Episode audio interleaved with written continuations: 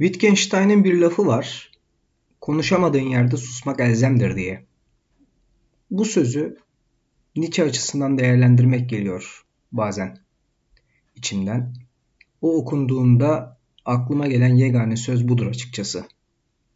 Lakin biz az da olsa özellikle bu dekadans e, meselesiyle ilgili konuşmayı deneyelim. Bir filozof karşıtı, bir bilim karşıtı, hatta bu haliyle bir din karşıtı olan Nietzsche felsefesi geçtiğimiz çağın delisi olarak şu an yaşadığımız bunalımı da haber verdiğini düşünürsek bir negatiflik abidesi. İşin kötü yanı Nietzsche'nin haklı çıkmasıdır bence. Ona göre en başat yozlaşma felsefede olmuştu. Özellikle şeyleri ihate etme fikri metafizik alana hücum eden ve insan düşüncesini yine maalesef düşünceyle kapatmak isteyen e, bir görüşün, bir düşüncenin ürünüydü. Düşünceyi düşünceyle tıkamak diyorum ben buna. Düşünce bu çağda, Nietzsche'nin özellikle yaşadığı çağda düşmanı olmuştu. Düşünceyi düşünceyle tıkamak yani e, nedir bu? Belki de onun e, çokça bilinen sözü olan işte olgular yoktur, sadece yorumlar vardır. Sözünün söylenmesine de bir kuvve oluşturmuştur diyebilirim. Nietzsche neden önemlidir? Çünkü çağını eleştirmiş, onu sarsmış, hatta ona aykırı hareket etmeyi insanlığa öğretmiştir. O gelecek bir zamanın yararına bulunduğu, içinde bulunduğu zamanın yıkılması gerektiğini savunmuştu. İnsanlık retorik olan savaşını kaybetmiştir. Şimdi asıl mesele onun kendi varlığını koruma meselesidir. Bir kere Sokrates'le birlikte Batı kendisine retorikte bir yer buldu, bir yer belirledi ve o yerle de dünyayı kendi çeperine hapsetmiştir. Buradan oluşturduğu diyalektikle de sonu gelmez bir bilgi yığınıyla kendisini her daim haklı çıkarmıştır. Nietzsche işte bu retoriğe karşı savaş açan yegane kişidir açıkçası. O insanın kendi varlığını yitirme tehlikesini de haber verdiği için hala önemini koruyor. Nietzsche postmodern diyardaki çöl düşüncesinin mağara gerçekliğinin oluşuyla haber verir. Hem metafizik karşıtı hem de ratyo karşıtı olarak, bir akıl karşıtı olarak geçmiş bütün felsefi düşünceyi sarsmaktan öte yıkmaya soyunur. Tabii ki bu mümkün değil. Zaten sonunda da delirmiştir. Bunu yaparken Herakleitosçu sahiplerle hareket etmiş. Çünkü baktığımızda şiire ve terbiye edilmiş söz diyebileceğimiz aforizmalara ne kadar önem verdiği ortada. Bu açıdan bakılınca Nietzsche dipsiz bir kuyudur. Yaşadıkları ve, yan, ve yazdıklarıyla yarım bırakılmıştır. Hakikaten de çağ kapatan bir düşünür oldu. 1900 yılında öldüğünü de varsayarsak. Çünkü 19. ve 20. yüzyıl onun çığlıklarıyla örüldü. Mesela güç istencinde burada gözler önüne sermeye çalıştığım şey gelecek 200 yıldır demişti. Geleceği tarif ediyordu. Modernliği kültürel bir hastalık olarak görmüştü. Bilimin nesnel gerçekliğini faydasız bir randevu olarak görmüştü. Artık farklı gelmeyecek hiçbir şey bize ve bunu biz kanıksayacaktık. Nihilizmin gelişi. O modernliği en iyi, bu açıdan en iyi teşhis eden düşünürlerden birisiydi. Modernlik başka bir tartışmanın konusu ama aydınlanmanın ve bilimsel çağın üvey çocuğu olarak onu tanımlayabiliriz. Bu açıdan Nietzsche ben bir ahlak tanımazcıyım derken zaten bu çağdaki bu yüzsüzlüğe karşı geliyordu. Çünkü kör ahlak ve her şeyin olumlandığı bir çağdı bu çağ. O nevabit olmayı seçti, ayrıksı ot olmayı seçti ve çıldırısıya felsefe yaptı. Ve o yaftayla da gezmek zorunda kaldı. Oraya buraya itildi. Kendisinin bir seçimi değildi bu. Çağını sorgulamasının bir sonucuydu. Dolayısıyla o itibarlı bir düşmandı. Kendisini bilinmeyen bir kudretin yeni bir kalemi denemek için bir kağıt üzerine çiziktirdiği müsvedde olarak görmüştü. Kendisini bir esfeli safilin derecesine çekmişti. Freud'un deyimiyle kendisi hakkında şimdiye kadar yaşamış ve bundan sonra yaşayacak bütün insanlardan daha çok bilgiye sahip olduğunu söylemişti. Yani kendi kendisiyle olan derin muhasebesi nedeniyle de var olmaktan kendisini yitirmiş birisidir Nietzsche. Eğer hayata dair kendi nedenlerimiz varsa o halde bütün nasıllarla başa çıkabiliriz. Düsturu da ona ait. Ona göre Tanrı'nın ölümünden hepimiz sorumluyduk. Dirilttiğimiz seküler Tanrımızı da ara sıra işte e, halini hatırını soruyor ve çıkıyorduk.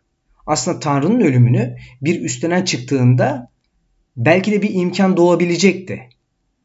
Bu açıdan bakarsak hem geleneğe karşı çıktı hem de modern olana. Nietzsche tabidir ki her düşünür gibi kendi kavramlarıyla düşündü. Bunlardan e, önemli gördüğüm e, dekadans kavramı insanın toplumsal manada yozlaşması, erdemlerini yitirmesi e, diye tanımlanabilir. Özellikle toplumsal bazda gerçekleştiği için insan bunun farkına ancak kendi üzerine derin düşünürse varabilir. Toplumun yardan yuvarlanması olarak da görülebilecek bir, bir düşünceden bahsediyorum. O toplum düşünce alanına ait ne varsa ayağa düşürmüştür. E, Latince'de aslında düşmek kadera ile karşılanıyor. Dekadansın e, içerisinde bir kök gibi. Toplumun çöküşü ve düşüşü olarak e, dediğimiz bu kavram terimsel bir mana kazanıyor Nietzsche ile beraber. Nietzsche kesinlikle terakkinin olumsuzu olarak kullanmıyor. İlerlemenin olumsuzu olarak kullanmıyor kelimeyi. Nietzsche ahlakımızın ve felsefemizin dekadansın formları haline geldiğinde ısrarcı oluyor. Hatta Kant için özellikle çizdiği reçetenin aptalca bir dekadanslık olduğunu dahi söylemişti. İnsan kendisine sunulan bütün imkanları yoksulluk ve ifsadın pençesine atmıştı ona göre. Artık değerleri dekadans değerleri olmuştu. Bu kısma yoksunluk ve kötümselleşmek demek daha doğru bence. Çünkü insan olanaklarını sınırlandırmak suretiyle kendisini sürekli ihate etmektedir. Nietzsche ilerlemeyi de eleştirdi. Çünkü o yaşamla ahlak arasında gergin bir sırat köprüsü kurmuştu. Ve o bu köprünün e, bu köprünün pamuk ipliğine bağlı olduğunu söylüyordu. Aynı zamanda bir diyalektik düşman olarak da e, bunu e, açımlayabiliriz. Yani siyahı ve beyazı kabul etmez hiçbir şekilde. Yaz ya da kışa hapso, hapsetmez kendisini. Kelimede bir düşkünlük olduğu kesin. Düşünmekte de bir düşmek var. Ama bu insanın düşü, düşmesi ve düşünmesi onun salahiyeti için. Burada e, dışa bağlı oluşunun dünyasını kirleterek toplumla birlikte uçurumdan tedrici bir şekilde yuvarlanması söz konusu. Dekadans tedrici bir biçimde olur. Bu istidraç kavramını da unutmamak lazım. Düşmenin etkisinden çok çarpınca etkisi anlaşılabilecek bir olgudan bahsediyoruz.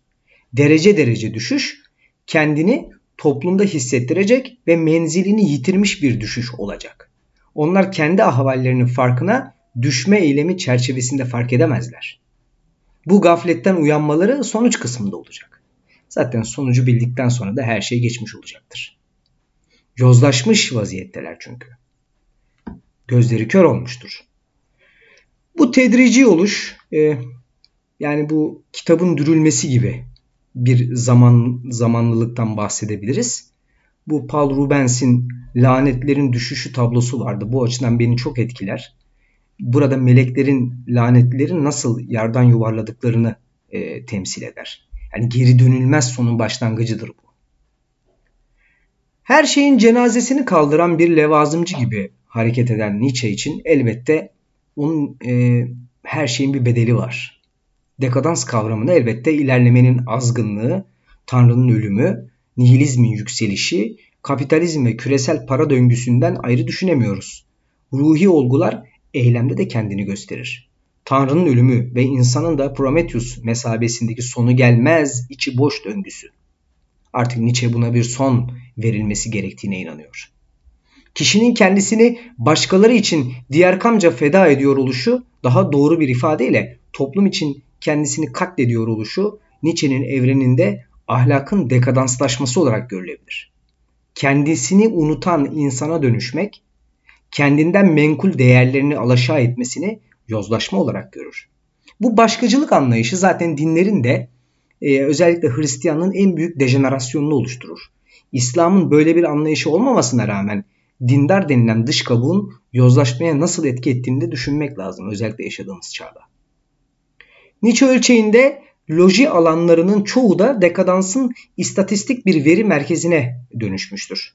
Özellikle putların alacakaranlığında sosyolojiye bu açıdan yıkıcı eleştiriler getirmişti. Bunların inceleme alanların çürümenin kendisinden başka bir şey olmadığını vurgulamıştı. Aslında aslına bakarsak Sorokin'de, Spengler'da ya da Toynbee'de medeniyet tasavvurlarını incelediğimizde ne kadar e, haklı bir eleştiri sunduğunu da söyleyebiliriz.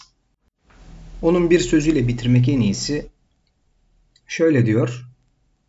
Çağa aykırı bir biçimle hareket etmek. Yani zamana karşı. Böylece zaman içinde ve umuyorum ki gelecek bir zamanın yararına olacaktır. Yani çağa karşı olan onun önündedir.